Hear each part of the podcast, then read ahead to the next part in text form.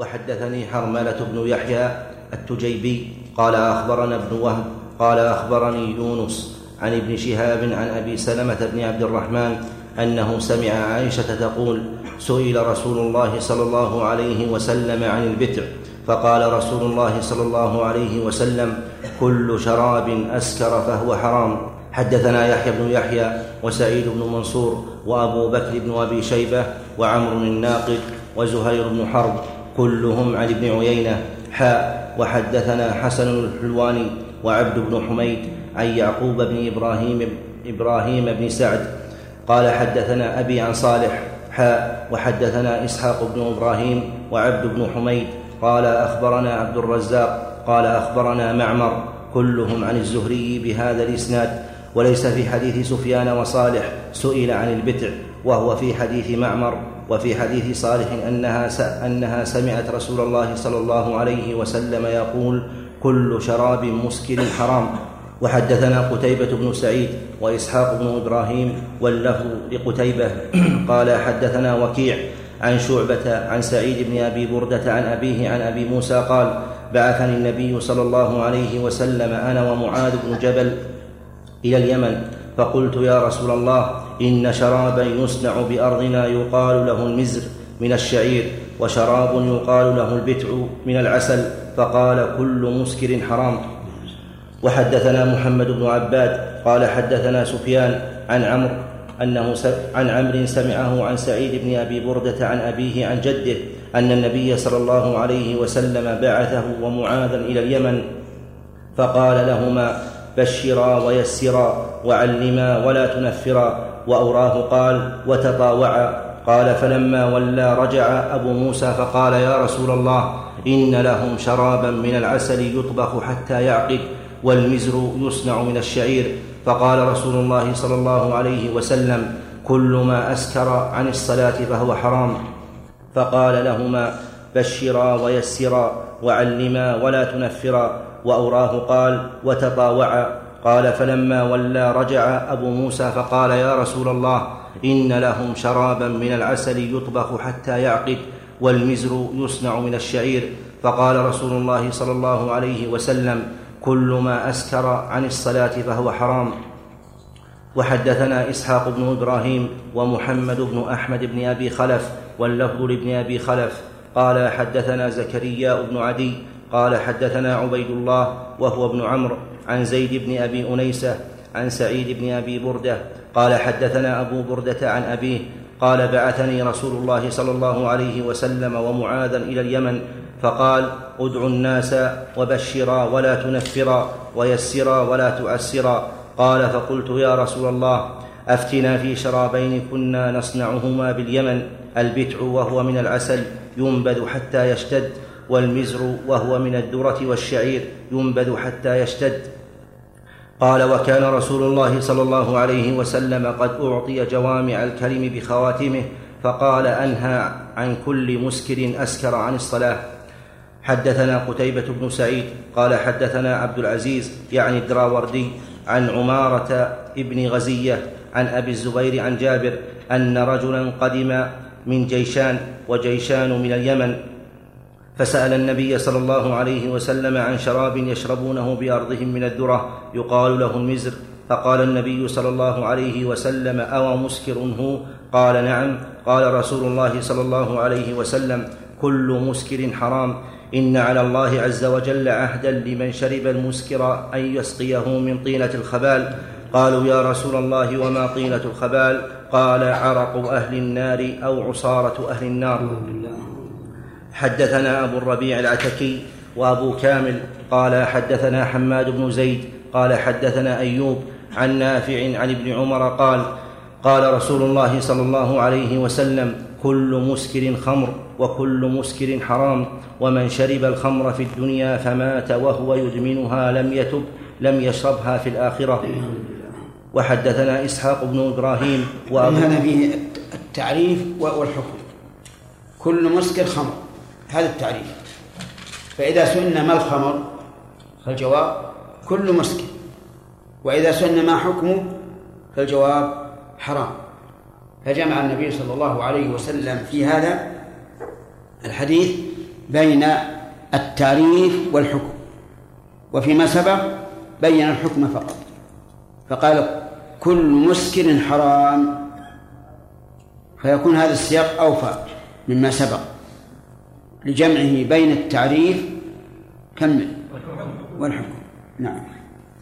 وحدثنا إسحاق بن إبراهيم وأبو بكر بن إسحاق كلاهما عن روح بن عبادة قال حدثنا ابن جريج قال أخبرني موسى بن عقبة عن نافع عن ابن عمر أن رسول الله صلى الله عليه وسلم قال كل مسكر خمر وكل مسكر حرام.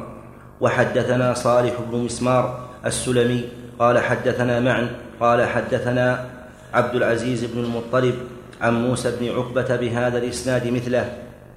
وحدثنا محمد بن مثنى ومحمد بن حاتم قال حدثنا يحيى وهو القطان عن عبيد الله قال أخبرنا نافع عن ابن عمر قال ولا أعلمه إلا عن النبي صلى الله عليه وسلم قال كل مسكر خمر وكل خمر حرام هذا بمعنى الأول لأنه قال كل مسكر خمر وكل مسكر حرام وهذا قال وكل خمر حرام. فالمعنى واحد. وفي هذا دليل على أن ما أسكر سواء كان شرابا أو عجينا أو حبوبا أو غيرها فإنه حرام. وهو خمر. فلا يقال إن الخمر خاص بالشراب بل هو كل ما أسكر من شراب أو غيره. فإنه خمر وكل خمر حرام. والإسكار سبق لنا أنه تغذية العقل على وجه إيش؟ اللذة والطرب نعم. باب عقوبة من شرب الخمر إذا لم يتب منها بمنعه إياها في الآخرة. حدثنا يحيى بن يحيى قال قرأت على مالك عن نافع عن ابن عمر أن رسول الله صلى الله عليه وسلم قال من شرب الخمر في الدنيا حرمها في الآخرة. حدثنا عبد الله بن قوله حرمها في الآخرة. هل المعنى أنه لا يدخل الجنة؟ فيحمل على فيحمل على من شربها وكفر بشربها وهو المستحل لها. أو المراد لا لا يدخلها ولو لا يشربها ولو دخل الجنة. فيحرم من كمال النعيم. الجواب الثاني. الجواب الثاني لأن النبي صلى الله عليه وعلى آله وسلم لم يقل لم يدخل الجنة بل قال لم يشربها في الآخرة فيعاقب بمنعه من شرابها في الآخرة. ولكن هذا الوعيد هل هو داخل تحت المشيئة؟ الجواب نعم. إن شاء الله تعالى عفى عنه لقوله تعالى إن الله لا يغفر أن يشرك به ويغفر ما دون ذلك لمن يشاء. وهل هو في من لم تقم عليه العقوبة في الدنيا لأنه قد ثبت عن النبي صلى الله عليه وعلى آله وسلم أن من أصاب حدا فعوقب به في الدنيا لم يعاقب به في الآخرة وأن الله لا يجمع عليه بين عقوبتين. هذا فيه احتمال. أن يكون إذا عوقب عليه في الدنيا سقطت عنه العقوبة في الآخرة بشرط أن لا يبقى مصرا في نفسه على شربه. فإن بقي مصرا في نفسه على شربه لم ينفعه تنفعه العقوبة في الدنيا. سليم. إذا شربه استحل يا شيخ. إذا شربها مستحلا لها نظرنا. هل هو ممن أقام في بلد الإسلام وعرف الأحكام الشرعية فهو يكفر. أو إنه حديث عهد بالإسلام أو مثلا في بادية بعيدة عن العلم. فإنه لا يكفر. لكن يعلم فإذا أصر بعد العلم كفر.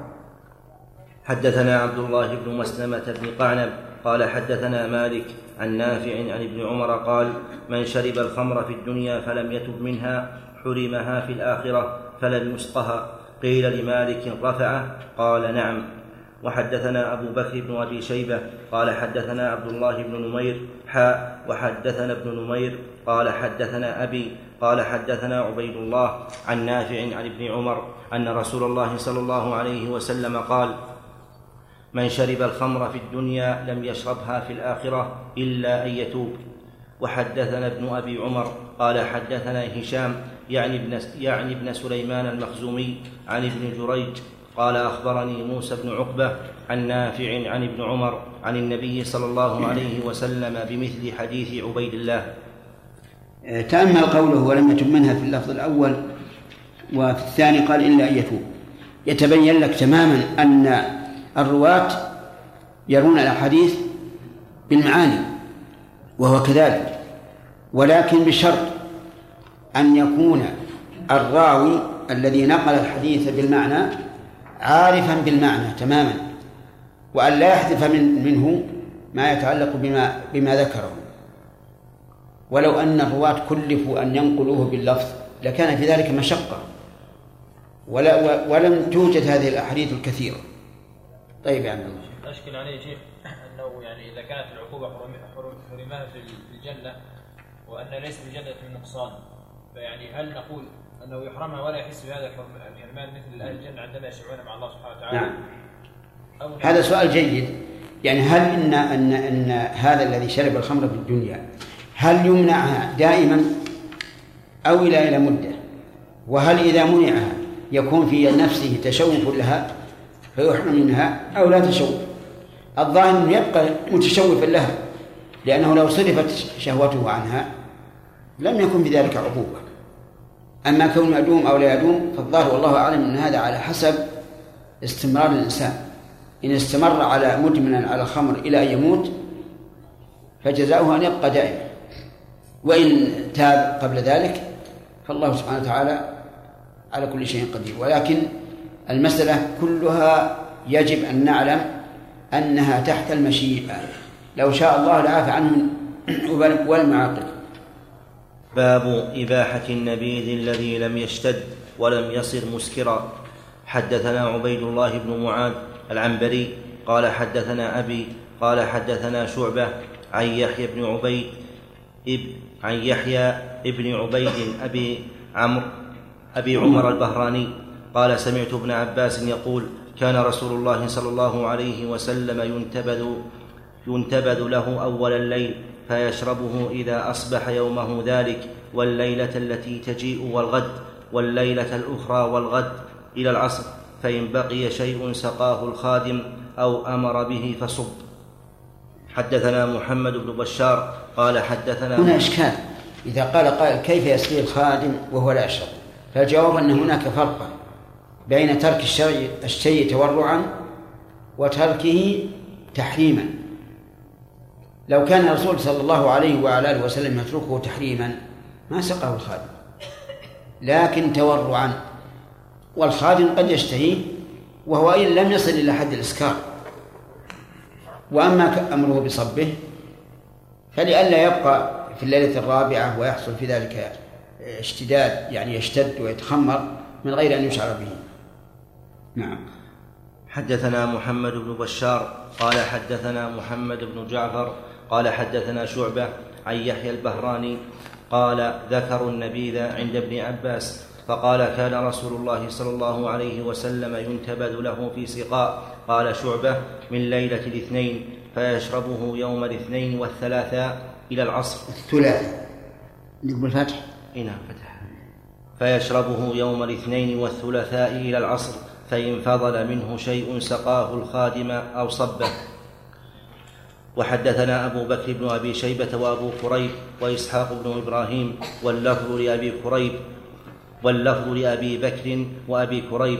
قال إسحاق أخبرنا وقال الآخران حدثنا أبو معاوية عن الأعمش عن أبي عمر عن ابن عباس قال كان رسول الله صلى الله عليه وسلم ينقع له الزبيب فيشربه اليوم والغد وبعد الغد إلى مساء الثالثة ثم يأمر به فيسقى أو يهراق.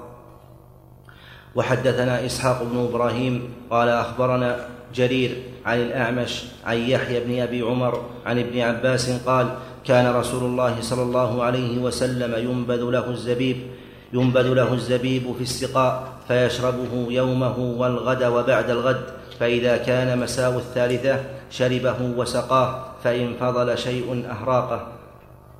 وحدثني محمد بن أحمد بن أبي خلف قال حدثنا زكريا بن عدي قال حدثنا عبيد الله عن زيد عن يحيى عن يحيى أبي عمر النخعي قال سأل قوم ابن عباس عن بيع الخمر وشرائها والتجارة فيها فقال أمسلمون أنتم؟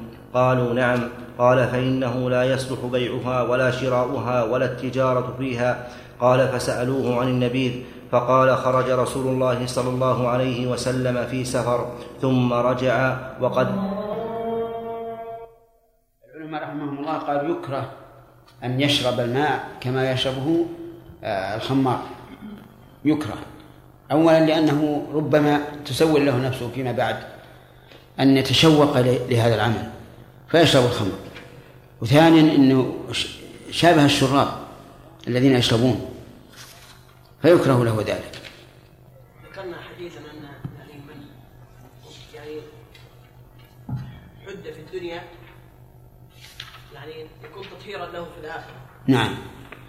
ولكن يعني ما فهمت قول الله تعالى ومن يقتل مؤمنا متعمدا فجزاؤه جهنم خالدا فيها. نعم. عن القتل حد. ها؟ عن القتل حد. القتل حد؟ قتل من قتل من قتل. إيه حد؟ والله ما ادري كيف تقول حد ومنكم ما أدري والله حسب يعني ظني لا هذا ظن. وبعض الظن إيش؟ إثم قتل القاتل ليس حدا ولكنه قصاص. وقد قال الله تبارك وتعالى فمن عفي له من أخيه شيء فاتباع بالمعروف. والحد ما في عفو. واضح؟ لا حول ولا قوة. الآن اتضح لك انه انه إنه حد ولا لا؟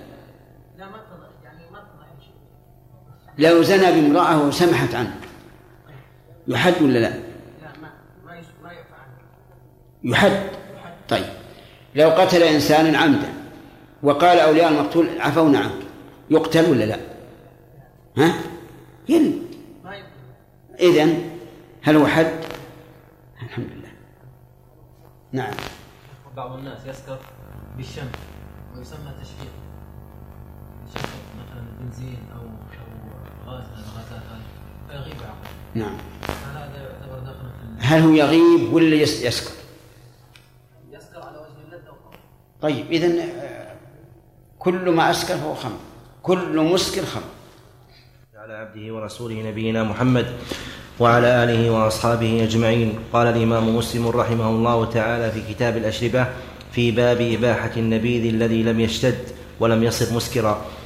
وحدثني محمد بن أحمد بن أبي خلف قال حدثنا زكريا بن عدي قال حدثنا عبيد الله عن زيد عن يحيى أبي عمر النخعي قال سأل قوم ابن عباس عن بيع الخمر وشرائها والتجارة فيها فقال أمسلمون أنتم؟ قالوا نعم. قال فإنه لا يصلح بيعها ولا شراؤها ولا التجارة فيها.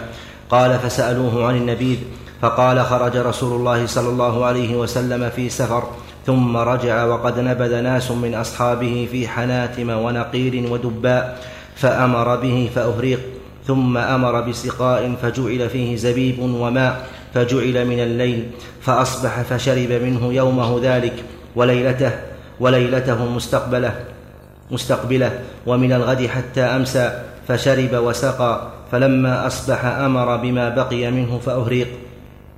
حد حدثنا شيبان بن قول ابن عباس المسلمون أنتم يحتمل معنيين أحدهما الاستفهام الحقيقي لأنه قد يكون السائل غير مسلم وغير المسلم يجوز أن يبيع ويشتري الخمر لأن الخمر في دينه حلال ويحتمل أنه يريد أن يوبخهم ويقول إن كنتم مسلمين حقا فبيعها حرام وشراؤها حرام إلى آخره.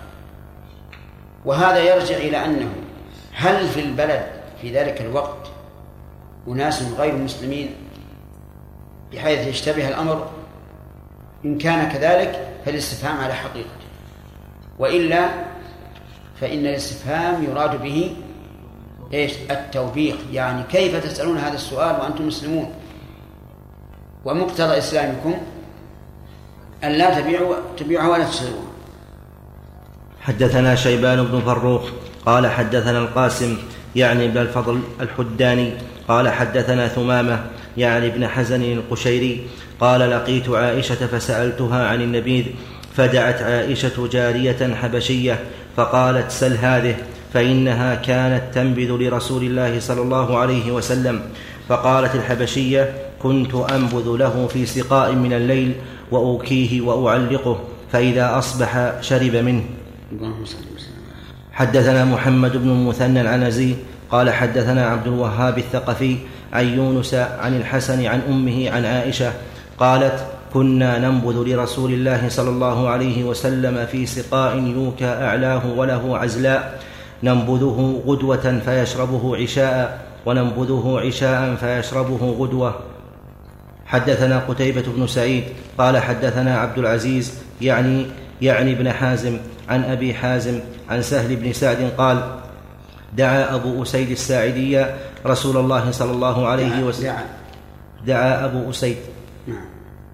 دعا أبو أسيد الساعدي رسول الله صلى الله عليه وسلم في عرسه فكانت امرأته فكانت امرأته يومئذ خادمهم وهي العروس. قال سهل تدرون ما سقت رسول الله صلى الله عليه وسلم؟ أنقعت له تمرات من الليل في تور فلما أكل سقته إياه. وحدثنا قتيبة بن سعيد قال حدثنا يعقوب يعني ابن عبد الر... يعني ابن عبد الرحمن عن أبي حازم قال سمعت سهلا يقول أتي أبو أسيد الساعدي رسول الله أتى أبو أسيد الساعدي رسول الله صلى الله عليه وسلم فدعا رسول الله صلى الله عليه وسلم بمثله ولم يقل فلما أكل سقته إياه. وحدثني محمد بن سهل التميمي قال حدثنا ابن أبي مريم قال أخبرنا محمد يعني أبا غسان قال حدثني أبو حازم عن سهل بن سعد بهذا الحديث وقال في تور من حجارة فلما فرغ, فلما فرغ رسول الله صلى الله عليه وسلم من الطعام أماثته فسقته تخصه بذلك إيش؟ أماثته فسقته أماثته أو التاء ولا بالثاء؟ بالهاء ها؟ اماثته ثاء بعدين ثاء. الأولى ثاء ولا تاء؟ لا الأولى ثاء. ثاء. أماث إيه، أماثته إيه. فسقته تخصه بذلك. حدثني محمد بن سهل التميمي وأبو بكر بن إسحاق. قال أبو بكر أخبرنا وقال ابن سهل حدثنا ابن أبي مريم. قال أخبرنا محمد وهو ابن مطرف أبو غسان. قال أخبرني أبو, هاز أبو حازم عن سهل بن سعد قال ذكر لرسول الله صلى الله عليه وسلم امرأة من العرب فأمر أبا أسيد أن يرسل إليها فأرسل إليها فقدمت فنزلت في أجم بني ساعدة. فخرج رسول الله صلى الله عليه وسلم حتى جاءها فدخل عليها فإذا امرأة منكسة رأسها فلما كلمها رسول الله صلى الله عليه وسلم قالت أعوذ بالله منك قال قد أعذتك مني. فقالوا لها أتدرين من هذا؟ فقالت لا. فقالوا هذا رسول الله صلى الله عليه وسلم جاء ليخطبك. فقالت أنا كنت أشقى من ذلك. قال سهل فأقبل رسول الله صلى الله عليه وسلم يومئذ حتى جلس في سقيفة بني ساعدة هو وأصحابه. ثم قال أسقنا لسهل. قال فأخرجت لهم هذا القدح فأسقيتهم فيه. قال أبو حازم فأخرج لنا سهل ذلك القدح فشربنا فيه. قال ثم استوهبه بعد ذلك عمر بن عبد العزيز فوهبه له.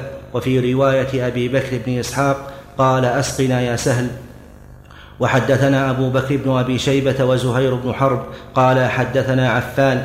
قال حدثنا حماد بن سلمة عن ثابت عن أنس قال لقد, سقي لقد سقيت رسول الله صلى الله عليه وسلم بقدحي هذا الشراب كله. العسل العسل والنبيذ والماء واللبن. هذا كله يدل على جواز شرب النبيذ لكن بشرط ألا يسكر حديث سهل. أن المرأة كانت آه، تسقيه. وهي وهي وهي العروس. إشكال. وهي كيف تكون المرأة تخدم الرجال؟ والجواب عن هذا سهل. هل كانت حين تخدمهم تقف معهم وتمازحهم؟ وهل كانت كاشفة الوجه؟ وهل كان هذا قبل الحجاب أو بعده؟ كل هذا احتمال. ومن المعلوم أن الأدلة إذا تعرض تعرض الاحتمال سقط بها الاستدلال. لأنه لا يتعين أن تكون دالة على شيء معين ما دام فيه احتمال. وماذا يجب علينا؟ أن نحملها على المحكم. ونقول هناك أدلة محكمة ثابتة يعمل بها. وفي أيضا دليل على جواز تخصيص كبير القوم بشراب أو نحو لأنها خصت النبي صلى الله عليه وسلم بهذا النبي. ولكن هل الأولى لكبير القوم إذا خص بشيء أن يمتنع أو الأولى أن يقبل جبرا لخاطر من من من, من قدمه له. الظاهر الثاني. الثاني ولكن لا بأس أن يقول له إذا علم أنه يستطيع أن يقول له يا فلان أعط إخوانك. فإن علم أنه لا يستطيع وأنه ليس عنده سوى هذا فلا يحرجه باب جواز شرب اللبن. حدثنا عبيد الله بن معاذ العنبري قال حدثنا أبي قال حدثنا شعبة قال حدثنا شعبة عن أبي إسحاق عن البراء قال قال أبو بكر الصديق لما خرجنا مع النبي صلى الله عليه وسلم من مكة إلى المدينة مررنا براع وقد وقد عطش رسول الله صلى الله عليه وسلم. قال فحلبت له كثبة من لبن. فأتيته بها فشرب حتى رضيت. بسم الله الرحمن الرحيم. هذا فيه دليل على على جواز شرب اللبن وهذا أمر لا أشكال فيه. كما قال الله تبارك وتعالى في سورة ياسين ولهم فيها منافع ومشارب أفلا يشكرون. وأخبر أنه سبحانه وتعالى يخرج هذا اللبن الخالص السائغ للشاربين بين فرث ودم. وفي هذا الحديث دليل على على جواز شرب لبن الماشية في البر إما مطلقا وإما بإذن الراعي وإن لم يكن مالكا لها لأن هذا مما جرت به العادة. كما جاز للإنسان إذا مر ببستان ليس عليه حائط وليس له ناظر أن يأكل منه حتى يشبع ولكن لا يحمل شيئا. وكذلك اللبن لأن هذا مما جرت به العادة والناس يحتاجون إليه كثيرا. وفي هذا دليل على منقبة عظيمة لأبي بكر رضي الله عنه في خدمة النبي صلى الله عليه وعلى آله وسلم. وأنه أن آماله وآلامه كآمال النبي صلى الله عليه وسلم وآلامه. ولهذا قال شرب حتى رضيت. نعم. حدثنا محمد بن المثنى وابن بشار واللفظ لابن المثنى. قال حدثنا محمد بن جعفر قال حدثنا شعبة قال سمعت أبا إسحاق الهمداني يقول سمعت البراء يقول لما أقبل رسول الله صلى الله عليه وسلم من مكة إلى المدينة فأتبعه سراقة بن مالك بن جعشم. قال فدعا عليه رسول الله صلى الله عليه وسلم فساخت فرسه فقال ادعو الله لي ولا أضرك. قال فدعا الله. قال فعطش رسول الله صلى الله عليه وسلم فمروا براعي غنم. قال أبو بكر الصديق فأخذت قدحا فحلبت فيه لرسول الله صلى الله عليه وسلم كثبة من لبن فأتيته به فشرب حتى رضيت. في هذا السياق أوسع من الذي قبله وفيه أن سراقة بن مالك لحق النبي صلى الله عليه وسلم وابا بكر. وكانت قريش قد جعلت لكل من من يأتي بهما أي بالنبي صلى الله عليه وسلم وأبي بكر مئتي بعير. كل واحد مئة. وهذه هي الدية في الجاهلية وأقرها الإسلام. لما لحقهما سراقة بن مالك بن جعشم حتى كان يسمع قراءة النبي صلى الله عليه وسلم والتفت إليه أبو بكر وقال يا رسول الله لحقنا الطلب. فدعا عليه فغاصت قدم الفرس في الأرض مع أن الأرض قاسية صحراء حتى عجز عنها. فدعا النبي صلى الله عليه وسلم بالأمان أي سراقة دعا النبي صلى الله عليه وسلم بالأمان فدعا له. ولما رجع من عند الرسول عليه الصلاة والسلام صار لا يلقى أحدا إلا قال يعني قد كفيتم هذه الجهة فليس فيها محمد ولا صاحب. فانظر آية من آيات الله عز وجل. كيف كان جاء طالبا ثم رجع مدافعا. مما يدل على أن النبي صلى الله عليه وسلم مؤيد من الله عز وجل. نعم. حدثنا محمد بن عباد وزهير بن حرب واللفظ لابن عباد قال حدثنا أبو أبو صفوان قال أخبرنا يونس عن الزهري قال قال ابن المسيب قال أبو هريرة إن النبي صلى الله عليه وسلم أتي ليلة أسري به بإيلياء بقدحين من خمر ولبن فنظر إليهما فأخذ اللبن فقال له جبريل عليه السلام الحمد لله الذي هداك للفطرة لو أخذت الخمر غوت أمتك. الحمد لله. الفطرة لأن اللبن يوافق الفطرة بلا شك. فهو لبن سائق لذيذ بمقتضى الخلقة. الخمر ليس كذلك لأنه تغير وانتقال من أصل إلى إلى فرع. وفي قوله لغوت أمتك آية من آيات الله عز وجل وهو أن النبي صلى الله عليه وعلى آله وسلم لو اختار الخمر وهو قائد الأمة وأسرة الأمة لكانت الأمة تقتدي به وحينئذ يلحقها من الغواية ما يلحقها. ولكن الله تعالى يسر له فاختار اللبن. وحدثني سلمة بن شبيب قال حدثنا الحسن بن أعين قال حدثنا معقل عن الزهري عن سعيد بن المسيب أنه سمع أبا هريرة رضي الله عنه يقول أتي رسول الله صلى الله عليه وسلم بمثله ولم يذكر بإيلياء حدثنا زهير بن حرب ومحمد بن المثنى وعبد بن حميد كلهم كلهم عن كلهم عن أبي عاصم.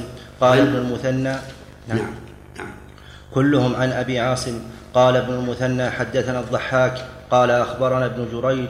قال أخبرني أبو الزبير أنه سمع جابر بن عبد الله يقول أخبرني أبو حميد الساعدي قال أتيت النبي صلى الله عليه وسلم بقدح لبن من النقيع ليس مخمرا فقال ألا خمرته ولو تعرض عليه عودا.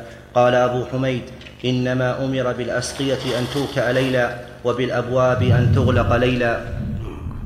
خمرته يعني غطيته وذلك لأنه إذا غطي الإناء في الليل سلم من البلاء الذي ينزل في ليلة من السنة ينزل بلاء لا يصيب شيئا الا الا ضره ولهذا أمر بهذه الثلاث الأشياء تخمير الإناء وإيكاء السقاء وإغلاق الأبواب. وهذا أمر يبدو أن كثيرا من الناس يغفل عنه. فتجده يبقي الإناء مفتوحا سواء كان تمرا أو طعاما أو ما أشبه ذلك. وكذلك يبقي الأبواب مفتوحة وهذا لا ينبغي. الذي ينبغي أن تغلق الأبواب حتى مع الأمن لأن إغلاق الأبواب من السنة وكذلك المصابيح تغلق المصابيح التي تكون على الغاز وفيها فتايل هذه أيضا تطفأ لئلا تلعب بها الحشرات ويحصل حريق. أما الأنوار التي في وقتنا الحاضر فالظاهر أنه لا بأس أن تبقى مفتوحة إلا إذا خرجت إلى حد الإسراف مثل أن ينام الإنسان ويبقي كل الكهرباء مفتوحة فهذا إسراف. منهي عنه نعم. الله عليكم هل تخمير الأواني حتى لو كان فيها من الأشياء ما لا يسرع إليه الخراب مثل الماء أو التمر؟ أي ظاهر الحديث العموم. سواء في البيت أو خارج اي نعم سواء في البيت أو في السطح أو في الحوش كل واحد. لكن يبقى النظر الشيء الذي لا يؤكل. الشيء الذي لا يؤكل الظاهر لا لا يسن تخميره. مثل بعض بعض الأشياء الحبوب التي لا تؤكل هذه الظاهر إنها لا, لا بأس أن تبقى مفتوحة. نعم. الإناء الفارغ ما يكفى؟ لا. الفارغ لا يكفى. نعم. إذا كانت في الثلاجة يا شيخ إذا إذا كانت في الثلاجة. نعم. الإناء لا الثلاجة مغلقة. الثلاجة مغلقة على ما فيها. نعم. وحدثني إبراهيم بن دينار قال حدثنا روح بن عبادة قال حدثنا ابن جريج وزكريا بن إسحاق قال أخبرنا أبو الزبير أنه سمع جابر بن عبد الله يقول أخبرني أبو حميد الساعدي أنه أتى النبي صلى الله عليه وسلم بقدح لبن بمثله قال ولم يذكر زكرياء قول أبي حميد بالليل. باب استحباب تخمير الإناء وهو تغطيته وإيكاء السقاء وإغلاق الأبواب وذكر اسم الله عليها وإطفاء السراج والنار عند النوم وكف الصبيان والمواشي بعد المغرب. حدثنا أبو بكر بن أبي شيبة وأبو كريب واللفظ لأبي كريب قال حدثنا أبو معاوية عن الأعمش عن أبي صالح عن جابر بن عبد الله قال كنا مع رسول الله صلى الله عليه وسلم فاستسقى فقام فقال رجل يا رسول الله ألا نسقيك نبيذا؟ فقال بلى. قال فخرج الرجل يسعى فجاء بقدح فيه نبيذ. فقال رسول الله صلى الله عليه وسلم ألا خمرته ولو تعرض عليه عودا؟ قال فشرب. وحدثنا عثمان بن أبي شيبة قال حدثنا جرير عن الأعمش عن أبي سفيان في هذا دليل على فوائد. منها أن النبي صلى الله عليه وعلى آله وسلم كغيره من البشر. يناله العطش والجوع والبرد والحر وله ظل كظل الناس خلافا لأولئك القوم الغالين الذين يقولون إنه ليس له ظل ولا يحتاج إلى ماء ولا شراب وما أشبه ذلك. فإن هذا كذب على رسول الله صلى الله عليه وعلى آله وسلم. وليس هذا والله من تعظيمه هذا من مخالفته تماما. فهو بشر يحتاج إلى نوم وإلى شرب وإلى أكل وإلى لباس. حتى إنه في أحد لبس درعين عليه الصلاة والسلام. وفيه أيضا دليل على جواز طلب الماء وأنه لا يعد من المسألة المذمومة. لقوله فاستسقى. النبي صلى الله عليه وسلم يعني طلب السقيا وفي أيضا دليل على أنه ينبغي للإنسان صاحب البيت أن يعرض على ضيفه ما هو أشهى وألذ. لأن الرجل عرض على النبي صلى الله عليه وعلى آله وسلم النبيذ مع أنه استسقى ماء. لكن هذا من من الكرم والإكرام. أن يعرض الإنسان يعني صاحب البيت على ضيفه ما هو أشهى وألذ. والمعروض عليه هو بالخيار إن شاء قال نعم وإن شاء قال هات الماء. وفيها دليل على ما ترجم ما ترجم له وهو تخمير الإناء. نعم.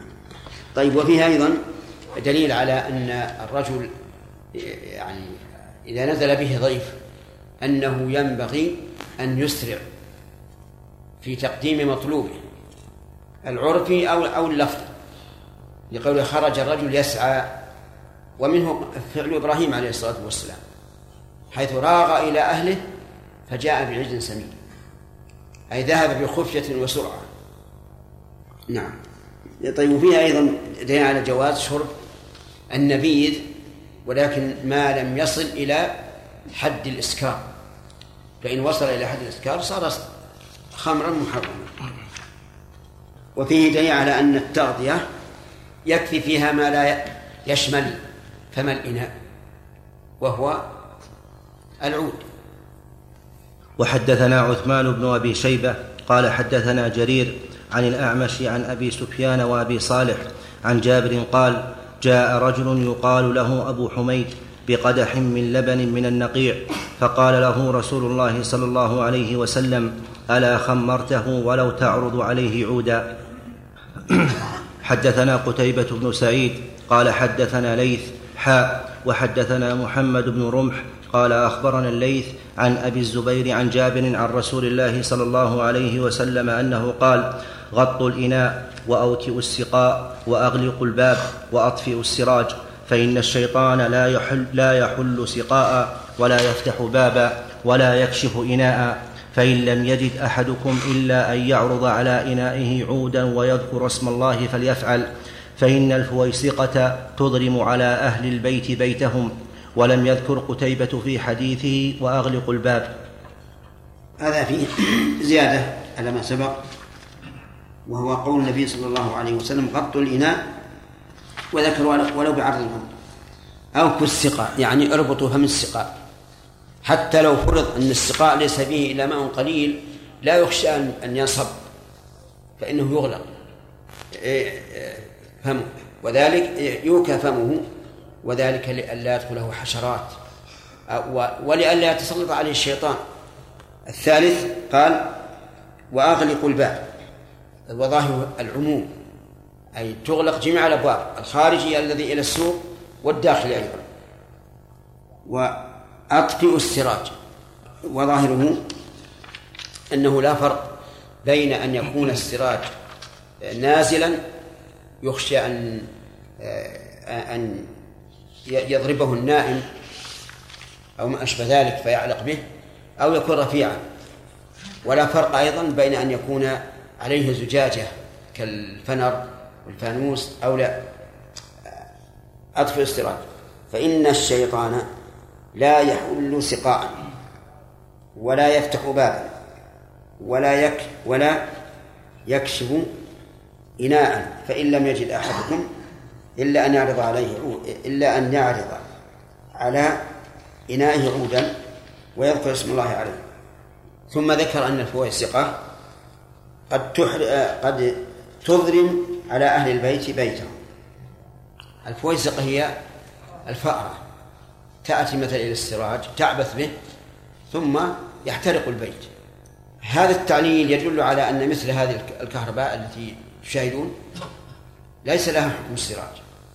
لكن المحذور ما قلت لكم أولا هو الإسراف. نعم. أبواب الغرف كلها. إي نعم هو ظاهر الحديث العموم. لأن لا يبقى للشيطان مأوى.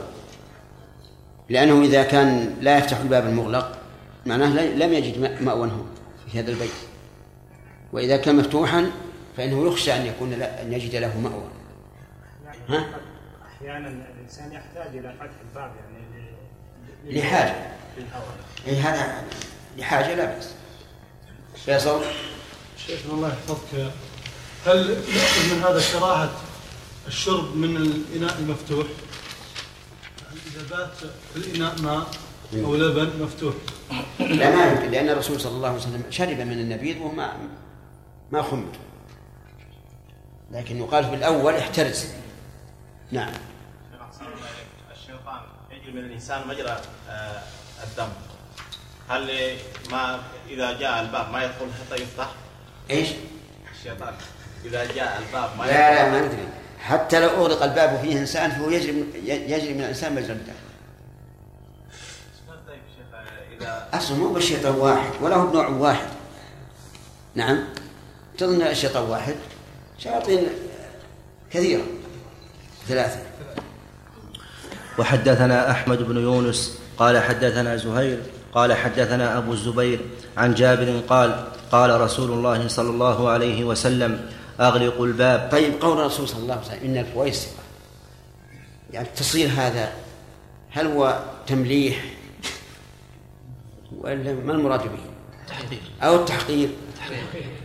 التحقير يعني حتى الفويسقه التي ليست بشيء تضرم على أن على أهل البيت بيته. وحدثنا أحمد بن يونس قال حدثنا زهير قال حدثنا أبو الزبير عن جابر قال قال رسول الله صلى الله عليه وسلم اغلقوا الباب فذكر بمثل حديث الليث غير أنه قال وخمروا الآنية وقال تضرم على أهل البيت ثيابهم. غير أنه قال إيش؟ غير أنه قال وخمروا الآنية وقال تضرم على أهل البيت ثيابهم. عندي زيادة. قال وأكثوا الاناء أو خمروا الاناء كيف؟ قرأنا هذا قرأت هذا؟ في الحديث السابق. طيب. وحدثني محمد بن المثنى قال حدثنا عبد الرحمن قال حدثنا سفيان عن أبي الزبير عن جابر عن النبي صلى الله عليه وسلم بمثل حديثهم وقال والفويسقة تضرم والفويسقة تضرم البيت على أهله. وحدثني إسحاق بن منصور قال أخبرنا روح بن عبادة قال حدثنا ابن جريج قال أخبرني عطاء أنه سمع جابر بن عبد الله يقول قال رسول الله صلى الله عليه وسلم إذا كان جنح الليل أو أمسيتم فكفوا صبيانكم فإن الشيطان ينتشر حينئذ فإذا ذهب ساعة من الليل فخلوهم وأغلقوا الأبواب واذكروا اسم الله فإن الشيطان لا يفتح بابا مغلقا. وأوكئوا قربكم واذكروا اسم الله وخمروا آنيتكم واذكروا اسم الله ولو أن تعرضوا عليها شيئا. وأطفئوا مصابيحكم. هذا فيه زيادة حجب الأولاد في أول الليل عن الخروج إلى الأسواق. فإذا مضى ساعة من الليل يعني جزء من الزمن فخلوا سبيله. وقوله صبيانكم يعني الصغار. أما المراهقون والكبار فلا فلا يضر أن يخرجوا متى شاءوا. ولكن هل يقال إن هذا فيما سبق؟ لما كان الليل من أول ما تغيب الشمس يحصل الظلام وربما يحصل أضرار على الصبيان. أو يقال إن هذا نعم أو يقال إن هذا عام حتى في وقتنا الذي ليله كنهاره. الأولى أن نأخذ بالعموم. وحدثني إسحاق بن منصور قال أخبرنا روح بن عبادة قال حدثنا ابن جريج قال أخبرني عمرو بن دي عمرو بن دينار أنه سمع جابر بن عبد الله يقول نحوا مما أخبر به عطاء إلا أنه لا يقول اذكروا اسم الله عز وجل. وحدثنا أحمد بن عثمان النوفلي قال حدثنا أبو عاصم قال أخبرنا ابن جريج بهذا الحديث عن عطاء وعمرو بن دينار كرواية روح. وحدثنا أحمد بن يونس قال حدثنا زهير قال حدثنا أبو الزبير عن جابر حاء. وحدثنا يحيى بن يحيى قال أخبرنا أبو خيثمة عن أبي الزبير عن جابر قال قال رسول الله صلى الله عليه وسلم لا ترسلوا فواشيكم وصبيانكم إذا غابت الشمس حتى تذهب فحمة العشاء. فإن الشياطين تنبعث إذا غابت الشمس حتى تذهب فحمة العشاء. قال أهل اللغة الفواشي كل منتشر من المال كالإبل والغنم وسائر البهائم وغيرها وهي جمع فاشية لأنها تفشو أي تنتشر في الأرض. وفحمة العشاء ظلمتها وسوادها. وفسرها بعضهم هنا بإقباله وأول ظلامه. وهو الظاهر.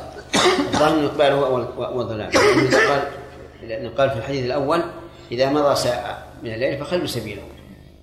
وحدثنا محمد بن المثنى قال حدثنا عبد الرحمن قال حدثنا سفيان عن أبي الزبير عن جابر عن النبي صلى الله عليه وسلم بنحو حديث زهير. وحدثنا عمرو الناقد قال حدثنا هاشم بن القاسم قال حدثنا الليث بن سعد قال حدثني يزيد بن عبد الله بن أسامة بن الهادي الليثي عن يحيى بن سعيد عن جعفر بن عبد الله بن الحكم عن القعقاع بن حكيم عن جابر بن عبد الله قال سمعت رسول الله صلى الله عليه وسلم يقول غطوا الإناء واوكئوا السقاء فإن في السنة ليلة ينزل فيها وباء لا يمر بإناء ليس عليه غطاء أو سقاء ليس أو سقاء ليس عليه وكاء إلا نزل فيه من ذلك الوباء. وهذه الليلة ليست معلومة. وفي هذا دين على على العمل بالاحتياط. ولهذا أمرنا أن نفعل هذه الأشياء في كل ليلة. ولا يقال مثلا إذا فعلتها في ليلة فالباقي لا بأس به. قد تكون هذه الليلة التي فعلت فيها هذه الأشياء أو كيت السقاء وأطفاء السراج قد تكون ليست الليلة التي ينزل فيها البلاء. فيؤخذ من هذا الحديث العمل بالاحتياط. إي نعم. وحدثنا نصر بن علي الجهضمي قال حدثنا أبي قال حدثنا ليث بن سعد بهذا الإسناد بمثله غير أنه قال فإن في السنة يوما ينزل فيه وباء وزاد في آخر الحديث قال الليث فالأعاجم عندنا يتقون ذلك في كانون في كانون الأول. حدثنا أبو بكر بن أبي شيبة وعمر الناقد وزهير بن حرب شوف السبب الشرح قوله فإن في السنة ليلة ينزل فيها وباء وفي الرواية الأخرى يوما بدل ليلة. قال الليث فالأعاجم يتقون ذلك في كانون الأول. الوباء يمد ويقصر لغتان حكاهما الجوهري وغيره والقصر أشهر.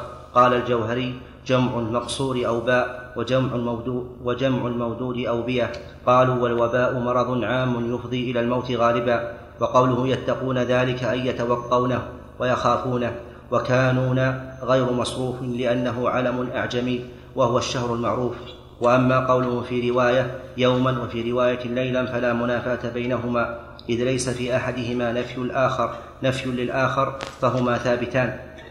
على كل حال الأعاجم لا عبرة بعملهم ولا بفعلهم والحديث عام في كل شهور السنة. بالنسبة لقول النبي صلى الله عليه وسلم وخمروا آنيتكم واذكروا اسم الله. نعم. متى يكون ذكر اسم الله سبحانه وتعالى؟ متى يكون الذكر؟ عند التخمير. عندما يغطيها يقول بسم الله. عندما يغلق الباب يقول بسم الله. عندما يوكل الإناء يقول بسم الله. نعم. حفظك الله. حديث جابر. هل يؤخذ منه استسقاء النبي صلى الله عليه وسلم؟ هل يؤخذ منه أنه ينبغي أن يقدم الطعام للضيف وهو مغطى؟ إيش؟ هل يؤخذ منه أنه ينبغي تقديم الطعام للضيف وهو مغطى؟ لا. ما يؤخذ منها لا- لأن الرسول قد علم أنه ما غطاه من الأصل. لا هذا قد يكون فيه إهانة في بعض في في بعض الأعراف. لو- أتيت به مغطى يكون فيه إهانة. وفي بعض الأشياء إذا غطي يكون إكرام حسب العرف. نعم. هل يؤخذ من ذلك أن لو الإنسان منين؟ في من الحديث لو الإنسان جعل ناسيا أو غفل عن تغطية الإناء أو الشراب أو غير ذلك هل لو تركه تورعا مثلا أو غير ذلك هل يعتبر إسرافا؟ الظاهر لا أنه لا يترك لأن الاحتياط في الدفع. أما في الرفع فلا فلا يمكن. لأنك الآن لا تعلم أن البلاء نزل في هذا فلا تتركه تتركه من أجل الوهم. لكن الدفع يغتفر فيه ما لا يغتفر فيه. ثلاثة. حدثنا أبو بكر بن أبي شيبة وعمر الناقد وزهير بن حرب قالوا حدثنا سفيان بن عيينة عن الزهري عن سالم عن أبيه عن النبي صلى الله عليه وسلم قال لا تتركوا النار في بيوتكم حين تنامون. وهذا يعم السراج وغير السراج. والفحم ضرره ظاهر. خصوصا إذا كان في في حجرة مغلقة فإنه يخشى منه التلف. ومنذ ثلاث سنوات أو أربع كان البرد شديدا. فدخل جماعة من الشباب إلى حجرتهم ووضعوا الفحم جمر وناموا. منهم من كشف وجهه عند النوم لأجل يتنفس ومنهم من آه، غطى وجهه عند النوم.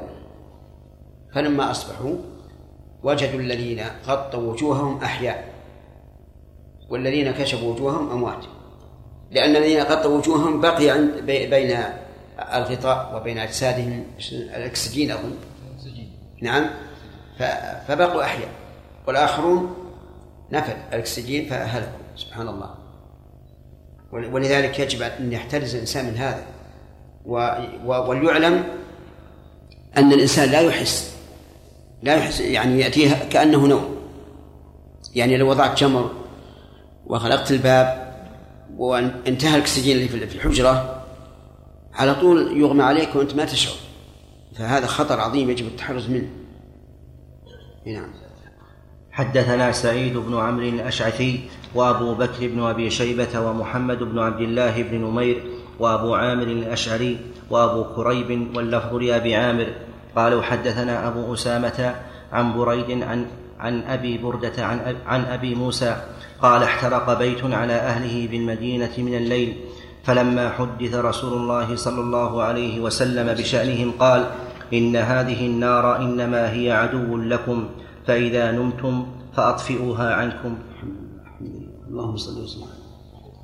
قول إنها عدو لكم هذا من باب التحذير وإلا فهي فيها مصلحة كثيرة. كما قال عز وجل أفرأيتم النار التي تورون أأنتم أنشأتم شجرتها أم نحن المنشئون فجعل الله تعالى مما, من به على العباد كما من بالشراب ومن بال- بالزرع. لكن لما قال عدو لكم من باب التحذير أو يقال إنها عدو في هذا الحال التي يهملها الإنسان حتى يعترق بيته. نعم.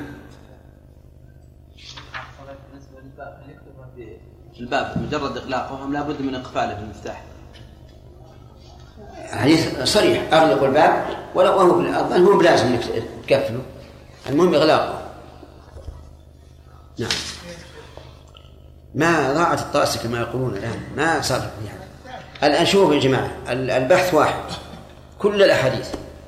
يكفي فيها ثلاثة أسئلة.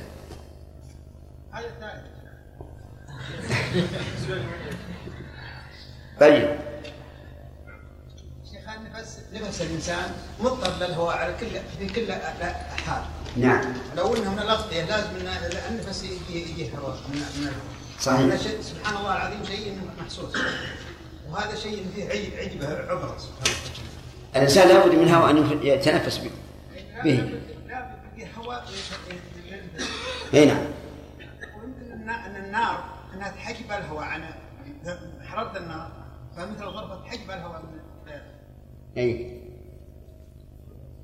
والله على كل حال الشيء الذي بينه الرسول صلى الله عليه وسلم من أن يطفئ النار لأنها عدو. نعم. باب آداب الطعام والشراب وأحكامهما. حدثنا أبو بكر بن أبي شيبة وأبو كريب قال حدثنا أبو معاوية عن الأعمش عن خيثمة عن أبي حذيفة.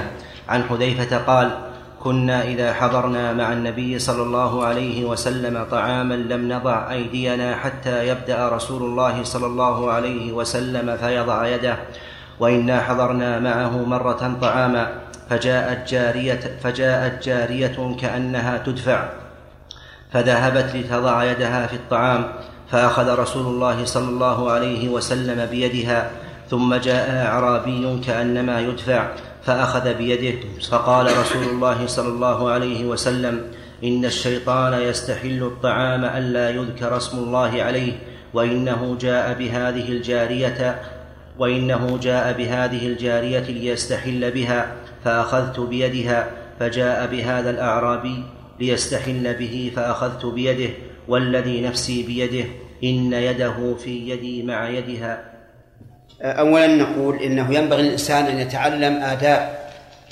الأكل والشرب الآداب الشرعية وآداب المروءة حتى تكمل أخلاقه. فإن النبي صلى الله عليه وعلى آله وسلم إنما بعث ليتمم مكارم الأخلاق. وقد قال الله له وإنك نعم كمل العلم. وإنك لعلى خلق عظيم. فمن ذلك أن هذا الحديث. أولا فيه فوائد منها احترام الصحابة للنبي صلى الله عليه وعلى آله وسلم حيث لا يمدون أيديهم من الطعام إلا بعد أن يبدأ هو. وهل يقاس عليه غيره؟ بمعنى أنه إذا كان في القوم كبير فإنهم لا يبدأون بالطعام قبله؟ الجواب نعم يقاس عليه لأن العلة واحدة. ولكن إذا قال هذا الكبير لهم كلوا فلا حرج أن يأكلوا. ولهذا يقال إن الامتثال خير من الأدب لأن الامتثال فيه أدب وزيادة. فمثلا إذا كان الأدب أن لا تأكل قبل الكبير وقال تفضل كل فالأولى أن تأكل. لأنك بهذا امتثلت أمره واحترمته وعظمته وإن كان الأصل لو لم يأمرك أنت أنت أن يتقدم عليه ومن فوائد الحديث أنه إذا كان لا يتقدم على الكبير في في الأكل فكذلك لا يتقدم عليه في الدخول. إذا كان معك كبير وتدخل أنت وإياه فقدمه سواء عند الباب أو عند الدخول إلى حجرة الطعام أو ما أشبه ذلك. كما كان الصحابة رضي الله عنهم يفعلونه مع مع رسول الله صلى الله عليه وعلى آله وسلم. ومن فوائد هذا الحديث أن الشيطان قد يدفع الإنسان إلى ما يحبه الشيطان. ويشهد لهذا قول الله تعالى ألم تر أن أرسلنا الشياطين على الكافرين؟ إيش؟ تؤزهم أزا. أي تدفعهم دفعا إلى إلى إلى المعاصي والكفر.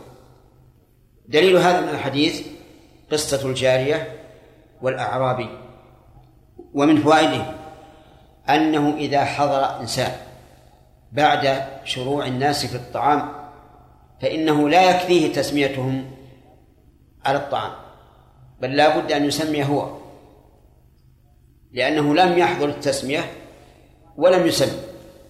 ومن فوائد هذا الحديث أن للشيطان يدا لأن النبي صلى الله عليه وسلم أقسم أن أن يده في يد الرسول عليه الصلاة والسلام. ويدل لهذا قول النبي صلى الله عليه وعلى آله وسلم إن الشيطان يأكل بشماله ويشرب بشماله. ومن فوائد هذا الحديث أن بدن الكافر ليس بنجس لأن الشيطان أكفر الكافرين. ومع ذلك فإن يده كانت في يد النبي صلى الله عليه وعلى آله وسلم ولم يغسل يغسله ولكن هذا قد يعارض. فيقال إن النجاسة بين اليابسين لا تؤثر. من قال إن يد الشيطان مبلولة أو يد النبي صلى الله عليه وسلم مبلولة؟ وحينئذ يسقط هذا هذا الحكم. ومنها أنه ينبغي للإنسان أن يقسم على ما يستغرب وإن كان هو صدوقا. الدليل إيش؟ أن النبي صلى الله عليه وعلى آله وسلم أقسم أن يد الشيطان في يده مع يد الجارية مع أنه الصادق المصدوق بلا قسم لكن القسم يعطي المخاطب طمأنينة إلى الخبر وزيادة تصديق له ومن فوائد هذا الحديث أن البسملة تحرم الطعام على الشيطان لقوله صلى الله عليه وسلم أراد الشيطان أن يستحل الطعام أن لا يذكر اسم الله عليه. وإذا سمي عليه صار حراما على على الشيطان. حراما شرعا ولا حراما قدرا؟ حراما قدرا لا يمكن أن يأكل منه ولا أن ينتفع به إذا سمي الله عليه. محمد وعلى آله وأصحابه أجمعين. قال الإمام مسلم رحمه الله تعالى في كتاب الأشربة في باب آداب الطعام والشراب وأحكامهما. وحدثناه إسحاق بن إبراهيم الحنظلي قال أخبرنا عيسى بن يونس قال أخبرنا الأعمش عن خيثمة بن عبد الرحمن عن أبي حذيفة الأرحبي عن حذيفة بن اليمان قال كنا إذا دعينا مع رسول الله صلى الله عليه وسلم إلى طعام فذكر بمعنى حديث أبي معاوية وقال كأنما يطرد. وفي الجارية كأنما تطرد وقدم مجيء الأعرابي في حديثه قبل مجيء الجارية وزاد في آخر الحديث ثم ذكر اسم الله وأكل. وحدثنيه أبو بكر بن نافع قال حدثنا عبد الرحمن قال حدثنا سفيان عن الأعمش بهذا الإسناد وقدم مجيء الجارية قبل مجيء الأعرابي. وحدثنا محمد بن المثنى العنزي قال حدثنا الضحاك يعني أبا عاصم عن ابن جريج قال أخبرني أبو الزبير عن جابر بن عبد الله أنه سمع النبي صلى الله عليه وسلم يقول إذا دخل الرجل بيته فذكر الله عند دخوله وعند طعامه قال الشيطان لا مبيت لكم ولا عشاء. وإذا دخل فلم يذكر الله عند دخوله قال الشيطان أدركتم المبيت. وإذا لم يذكر الله عند طعامه قال أدركتم المبيت والعشاء. وحدثنيه إسحاق بن منصور قال أخبرنا روح بن عبادة قال حدثنا ابن جريج قال أخبرني أبو الزبير أنه سمع جابر بن عبد الله يقول إنه سمع النبي صلى الله عليه وسلم يقول بمثل حديث أبي عاصم إلا أنه قال وإن لم يذكر اسم الله عند طعامه وإن لم يذكر اسم الله عند دخوله. حدثنا قتيبة بسم الله الرحمن الرحيم. البسملة عند الدخول ورد فيها أحاديث. بسم الله ولجنا وبسم الله خرجنا وعلى الله ربنا توكلنا. اللهم إني أسألك خير المولج وخير المخرج. وأما الأكل فكما علمتم أنه يقول بسم الله وإن زاد الرحمن الرحيم فحسن كما قال الشيخ الإسلام ابن تيمية رحمه الله. وقال إنه حسن لأن هذا الأكل إنما حصل برحمة الله. وقال إنه لا يقال الرحمن الرحيم عند الذبح. لأن المقام غير مناسب. فينبغي للإنسان أن يعتني بمثل هذه الأمور حتى يسلم من شر الشيطان. فلا يبيت ولا يأوي ولا ولا يأكل معه. حدثنا قتيبة بن سعيد قال حدثنا ليث حاء وحدثنا محمد بن رمح قال أخبرنا الليث عن أبي الزبير عن جابر عن رسول الله صلى الله عليه وسلم قال لا تأكلوا بالشمال فإن الشيطان يأكل بالشمال. حدثنا أبو بكر بن أبي شيبة ومحمد بن عبد الله بن نمير وزهير بن حرب وابن أبي عمر واللفظ. واللفظ لابن نمير قالوا حدثنا سفيان عن الزهري عن أبي بكر بن عبيد الله بن عبد الله بن عمر عن جده بن عمر أن رسول الله صلى الله عليه وسلم قال إذا, ك... إذا أكل أحدكم فليأكل بيمينه وإذا شرب فليشرب بيمينه فإن الشيطان يأكل بشماله ويشرب بشماله. وحدثنا قتيبة بن سعيد عن مالك اجتمع في هذا الأمر بالأكل باليمين والشرب باليمين والنهي عن عن الشرب بالشمال والأكل بالشمال. وهذا الأمر للوجوب والنهي للتحريم. لأن النبي صلى الله عليه وعلى آله وسلم حذر من المخالفة بأن ذلك فعل الشيطان. وقد قال الله تعالى يا أيها الذين آمنوا لا تتبعوا خطوات الشيطان. ومن يتبع خطوات الشيطان فإنه يأمر بالفحشاء والمنكر. ثم إن ثم إن امتثال أمر امتثال أمر النبي صلى الله عليه وعلى آله وسلم فيه الخير والبركة. لا في المأكول ولا في المشروب. نعم. وحدثنا قتيبة بن سعيد عن مالك بن أنس فيما قرئ عليه حاء وحدثنا ابن نمير قال حدثنا أبي حاء وحدثنا ابن المثنى قال حدثنا يحيى وهو القطان كلاهما عن عبيد الله جميعا عن الزهري بإسناد سفيان. وحدثنا أبو الطاهر وحرملة وحرملة قال أبو الطاهر أخبرنا وقال حرملة حدثنا عبد الله بن وهب قال حدثني عمر بن محمد قال حدثني القاسم بن عبيد الله ابن القاسم بن عبيد الله بن عبد الله بن عمر أنه حدثه عن سالم عن أبيه أن رسول الله صلى الله عليه وسلم قال لا يأكلن أحد منكم بشماله ولا يشربن بها فإن الشيطان يأكل بشماله ويشرب بها. قال وكان نافع يزيد فيها ولا يأخذ بها ولا يعطي بها. وفي رواية أبي الطاهر لا يأكلن أحدكم. حدثنا أبو بكر بن أبي شيبة قال حدثنا لا يأكلن هذه فيها التوكيد هذا نهي مؤكد بأنه لا يأكلن. وهو يدل على ما ذكرنا من وجوب الأكل باليمين والشرب باليمين. حدثنا أبو بكر بن أبي شيبة قال حدثنا زيد بن الحباب عن عكرمة بن عمار قال حدثني إياس بن سلمة بن الأكوع أن أباه حدثه أن رجلا أكل عند رسول الله صلى الله عليه وسلم بشماله فقال كل بيمينك. قال لا أستطيع. قال لا استطعت ما منعه إلا الكبر. فما قال فما رفعها إلى فيه. حدثنا أبو بكر بن أبي شيبة وابن أبي عمر جميعا. لا أستطيع. ثم قال ما منعه إلا الكبر. هذا فيه استعمال الاستطاعة بمعنى القدرة. نعم آه، الاستطاعة بمعنى الإرادة. فمعنى لا أستطيع أي لا أريد. ومنه قول الحواريين هل يستطيع ربك أن ينزل علينا؟ أي هل يريد ربك أن ينزل علينا؟ لو شوف شرح الحديث. قوله أن رجلا أكل عند رسول الله صلى الله عليه وسلم بشماله فقال كل بيمينك فقال لا أستطيع. قال لا استطعت ما منعه إلا الكبر. قال فما رفعها إلى فيه. هذا الرجل هو بسر وبالسين بضم الباء وبالسين المهملة ابن راعي العير بفتح العين وبالمثناه الأشجعي.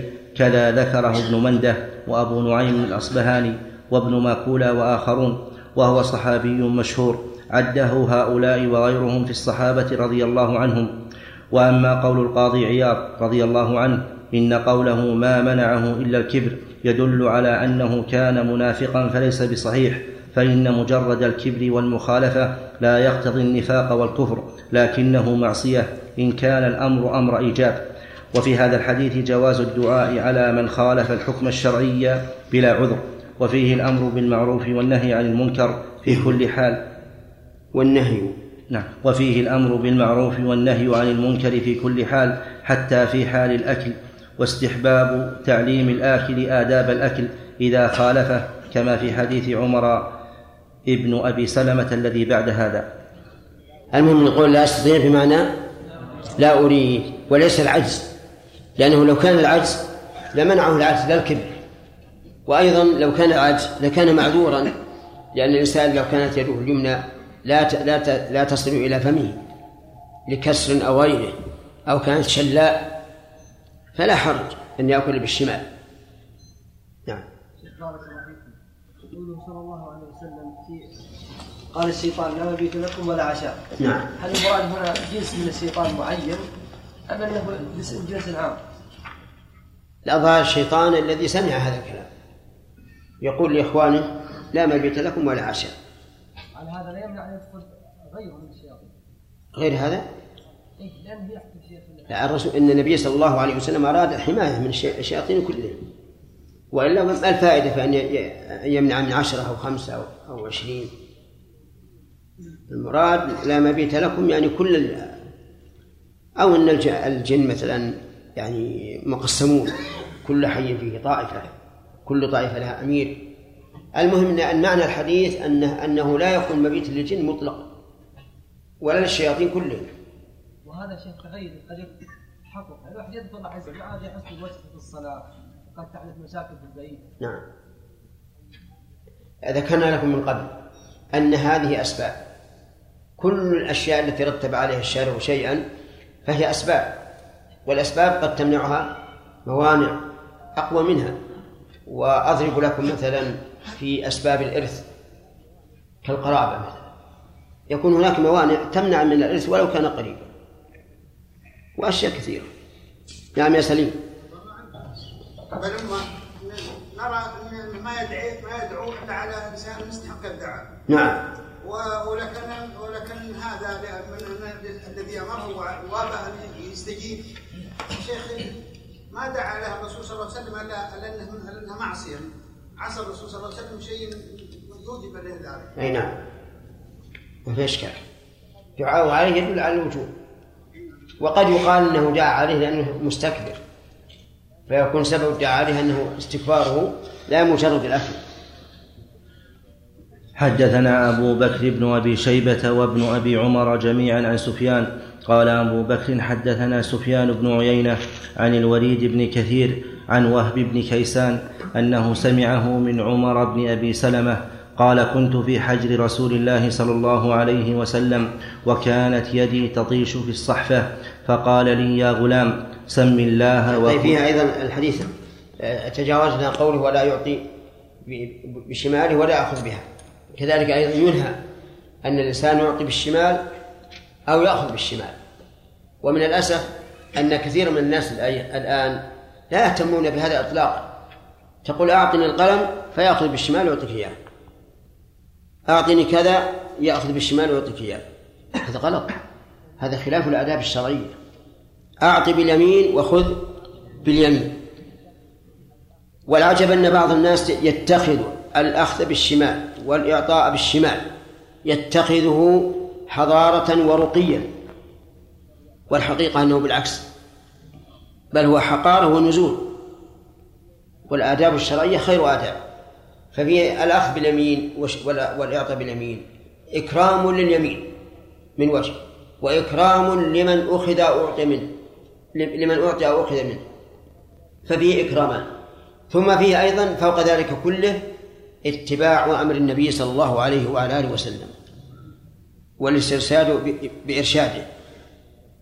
حدثنا أبو بكر بن أبي شيبة وابن أبي عمر جميعا عن سفيان قال أبو بكر حدثنا سفيان بن عيينة عن الوليد بن كثير عن وهب بن كيسان أنه سمعه من عمر بن أبي سلمة قال كنت في حجر رسول الله صلى الله عليه وسلم وكانت يدي تطيش في الصحفة فقال لي يا غلام سم الله وكل بيمينك وكل مما يليك.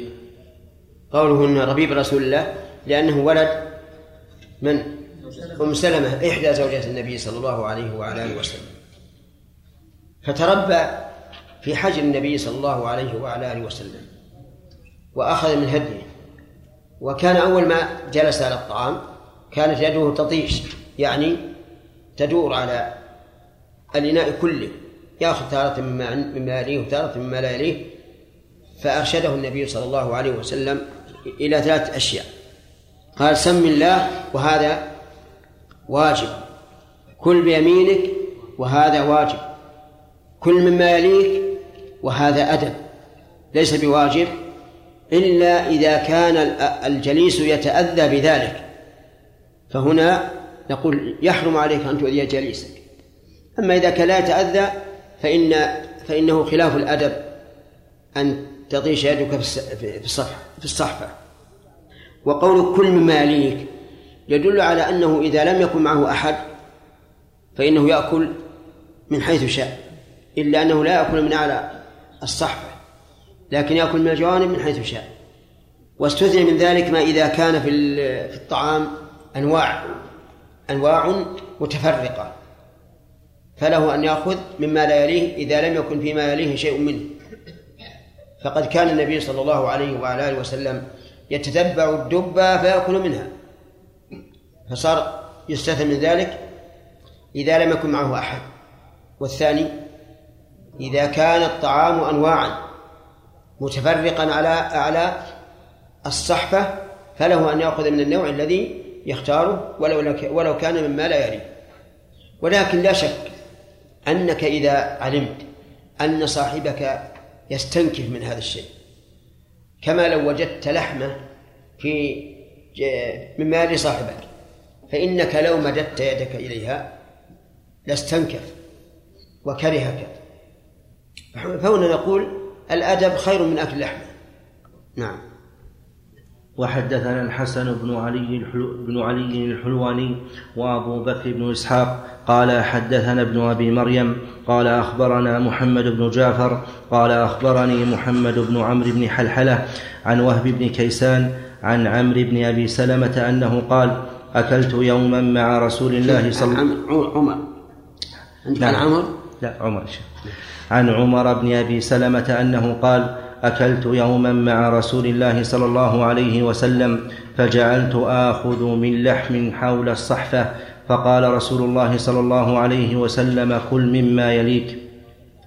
وحدثنا عمرو الناقد قال حدثنا سفيان بن عيينة عن الزهري عن عبيد الله عن أبي سعيد قال نهى النبي صلى الله عليه وسلم عن اختناث الأسقية.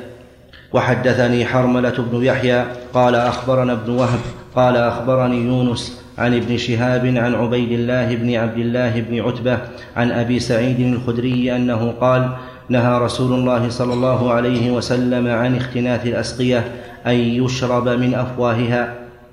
وحدثناه عبد بن حميد قال أخبرنا عبد الرزاق قال أخبرنا معمر عن الزهري بهذا الإسناد مثله غير أنه قال واختناثها أن يقلب رأسها ثم يشرب منه.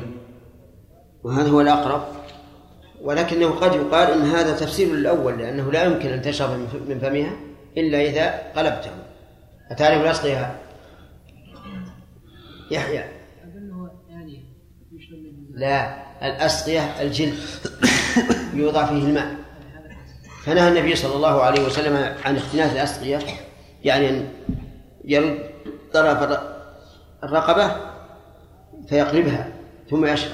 ولا فرق بين هذا أو أن يشرب بدون قلب. وذلك لأن اختناث الأسقية يؤدي إلى مفسدتين. المفسد المفسدة الأولى أنه قد يكون في ريق هذا الشارب أشياء مضرة تلصق بجدار السقاء.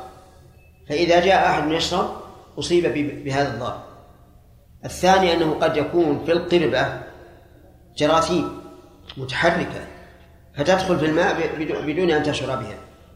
ومن ذلك ما يسمى عندنا بالعلقة. كان الناس بالأول لما كانت المياه غير نظيفة كان يظهر في في الأواني وفي القرب شيء يسمى العلقة دودة حمراء. هذه الدودة تدخل في الماء وربما يشربها الإنسان فتعلق في حلقومه وتمتص الدم وتكبر فيضيق النفس وربما يهلك الإنسان أو ربما تعلق في جدار المعدة فتكبر فتؤذي الإنسان. وهذا يعني سمعنا سمعنا به وأدركنا بعضه. فلذلك نهي أن يشرب الإنسان من في السقاء سواء رد طرفه يعني قلبه أو لا. إلا إذا كان هناك ضرورة. إذا كان هناك ضرورة فإنه لا بأس بذلك. كأن يكون عطشانا. وليس عنده بأس.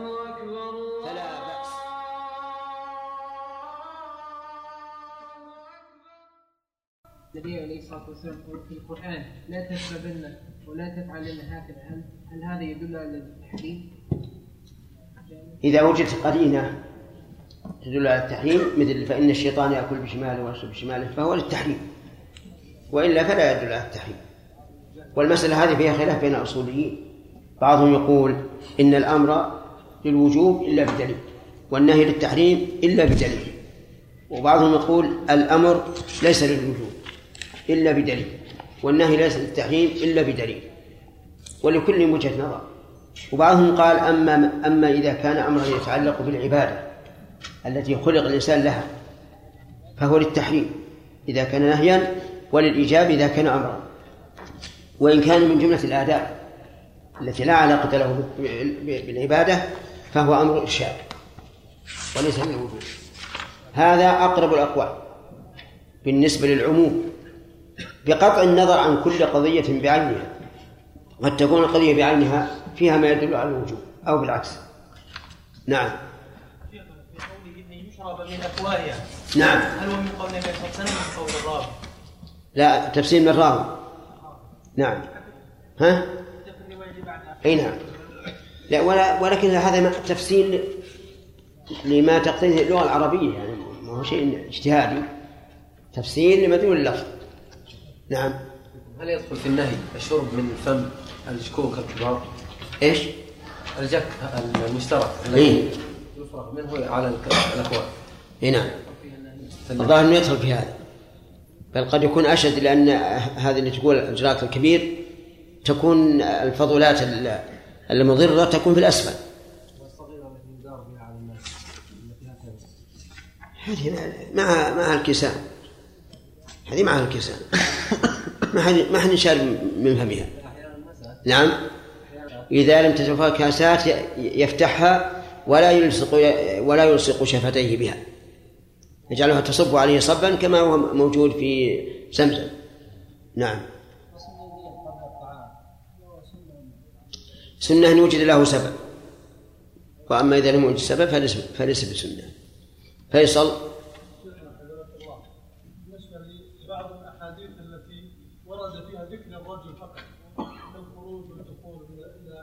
نعم نعم هل يدخل فيها النساء؟ أي نعم. القاعدة الأصلية أن ما شرع في حق النساء فهو للرجال وما شرع في حق الرجال فهو للنساء إلا بدليل. الأذكار الواردة في أن من تلاها آه، لم يقتربه الشيطان. هل هذه آه، تخصص عموما الأحاديث الواردة أن الإنسان إذا نام عقد الشيطان على قافة رأس النائم كما يعقد وغيره؟ إما أن يقال تخصص أو يقال أن تمنع من دخول الشيطان الذي يضر الإنسان. أما هذا فبمقتضى العادة القافل العقد على القافل بسم الله الرحمن الرحيم. الحمد لله رب العالمين وصلى الله وسلم وبارك على عبده ورسوله نبينا محمد وعلى آله وأصحابه أجمعين. قال الإمام مسلم رحمه الله تعالى في كتاب الأشربة باب في الشرب قائما. حدثنا هداب بن خالد قال حدثنا همام قال حدثنا قتادة عن أنس أن النبي صلى الله عليه وسلم زجر عن الشرب قائما. بسم الله الرحمن الرحيم. الشرب قائما مكروه إلا لحاجة أو مصلحة. هذا هو القول الراجح في هذه المسألة أنه مكروه إلا لحاجة أو مصلحة. فالحاجة مثل أن يكون المكان ضيقا لا يستطيع الجلوس. أو يكون الإناء الذي يشرب منه مرتفع كما يوجد الآن في بعض البرادات. فيها كؤوس لكنها رفيعة ما يستطيع الإنسان يشرب وهو قاعد. المصلحة مثل أن يشرب قائما حتى يراه الناس ويتأسوا به في شربه. لأن المشروع في الشرب أن يشرب بثلاثة أنفاس. وأن يمص الماء مصا لا يعبه عبا. والحكمة من ذلك أما الأنفاس الثلاثة فلأن النبي صلى الله عليه وعلى آله وسلم قال إن ذلك أهنى وأبرأ وأروى. وأما كونه يمصه مصا فلأن الإنسان لا يشرب الماء إلا لعطش. والعطش يعني اشتداد حرارة المعدة وطلبها الماء. فإذا جاء الماء دفعة واحدة أثر عليها وإذا جاءها مترسلا صار ذلك أهون أهون عليه. فهو مثلا يشرب قائما حتى يري الناس كيف مشروعية الشرب. هذه مصلحة. وإلا فإنه مكروه. نعم. قال مع أن ظاهر قوله زجر يقتضي التحريم. ولكن فعل النبي صلى الله عليه وعلى آله وسلم في شربه قائما في زمزم يصرف هذا الظاهر إلى كونه زجر كراهة لا زجر تحريم. نعم. حدثنا محمد بن المثنى قال حدثنا عبد الأعلى قال حدثنا سعيد عن قتادة عن أنس عن النبي صلى الله عليه وسلم أنه نهى أن يشرب الرجل قائما. قال قتادة قال قتادة فقلنا فالأكل فقال ذاك أشر أو أخبث. أشد يعني معناه الأكل قائما أشد من الشرب قائما. وهذا القياس مقبول إذا علمنا العلة. في النهي عن الشرب قائما. وأما إذا لم نعلم فلا يصح القياس. لكن إذا قال قائل هذا قياس الصحابي وقياس الصحابي أقرب إلى الصواب من قياس غيره. فالجواب نعم نقول بهذا أن قياس الصحابي أقرب إلى الصواب من قياس غيره. ولكن المراد بالأكل هنا الأكل الذي يقتاته الإنسان ويتعيش به. أما الأكل اليسير مثل أن يأكل الإنسان تفاحة أو يأكل ما يسمى بالفصفص هذا لا أظنه مكروها لأن هذا جرت العادة بأنه يؤكل والإنسان قائم إنسان يمشي. طيب راكبا الأكل والشرب راكبا لا شيء فيه. نعم. وحدثناه قتيبة بن سعيد وأبو بكر بن أبي شيبة قال حدثنا وكيع عن هشام عن قتادة عن أنس عن النبي صلى الله عليه وسلم بمثله ولم يذكر قول قتادة. حدثنا هداب بن خالد قال حدثنا همام قال حدثنا قتادة عن أبي عيسى الأسواري عن أبي سعيد الخدري أن النبي صلى الله عليه وسلم زجر عن الشرب قائما. وحدثنا زهير بن حرب ومحمد بن المثنى وابن بشار واللفظ لزهير وابن المثنى قالوا حدثنا يحيى بن سعيد قال حدثنا شعبة قال حدثنا قتادة عن أبي عيسى الاسوري عن أبي سعيد الخدري أن رسول الله صلى الله عليه وسلم نهى عن الشرب قائما. حدثنا عبد الجبار بن العلاء قال حدثنا مروان يعني الفزاري قال حدثنا عمر بن حمزة قال أخبرني أبو غطفان المري أنه سمع أبا هريرة يقول قال رسول الله صلى الله عليه وسلم لا يشربن أحد منكم قائما فمن نسي فليستقي